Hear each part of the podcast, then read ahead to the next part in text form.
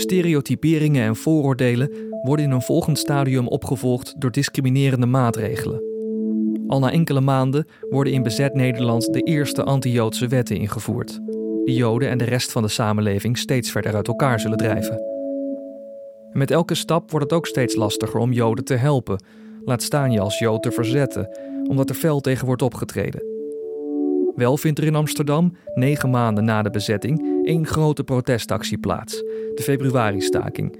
In Europa de grootste protestactie tegen de discriminatie van Joden, maar deze wordt door de nazi's met harde hand neergeslagen. Het doorvoeren van wetten die Joden rechten en bezittingen afnemen gaat door.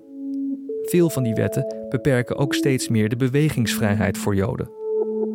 We zien hier uh, een jongen en een man op een bankje overduidelijk in een park.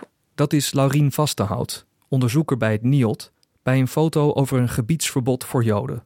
In de Lepelenburg, een uh, heel populair en geliefd park in Utrecht, bij een boom onder een bordje voor Joden verboden. En de eerste anti-Joodse maatregelen zijn eigenlijk net ingevoerd. Uh, Joden worden uit het publieke leven geweerd.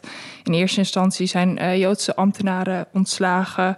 Uh, er is een verbod op de publicatie van Joodse kranten. En nu zien we ook dat Joden uit uh, openbare gelegenheden geweerd worden door middel van dit soort bordjes. Dus overduidelijk het verschil maken tussen uh, Joden en niet-Joden, polarisatie tussen Joden en niet-Joden in de, in de Nederlandse samenleving.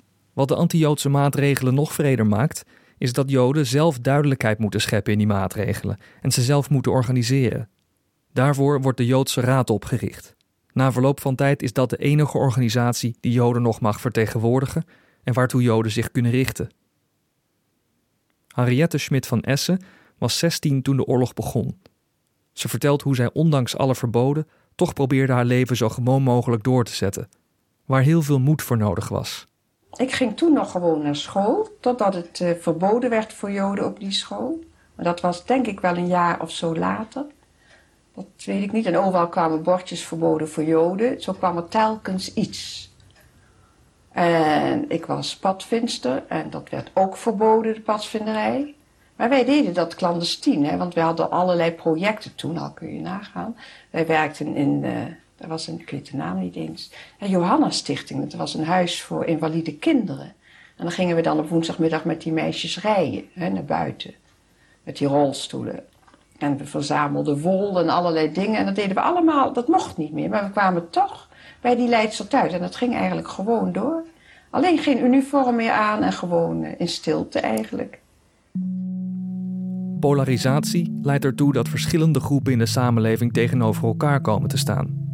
Zelfs binnen groepen zorgt het voor verschillen, wanneer beperkte privileges uit lijfsbehoud worden aangegrepen. Het voorkomt dat zo'n groep gezamenlijk in actie komt. Wanneer de segregatie van bevolkingsgroepen geen halt wordt toegeroepen, maakt dat de weg vrij voor nog meer rechteloosheid.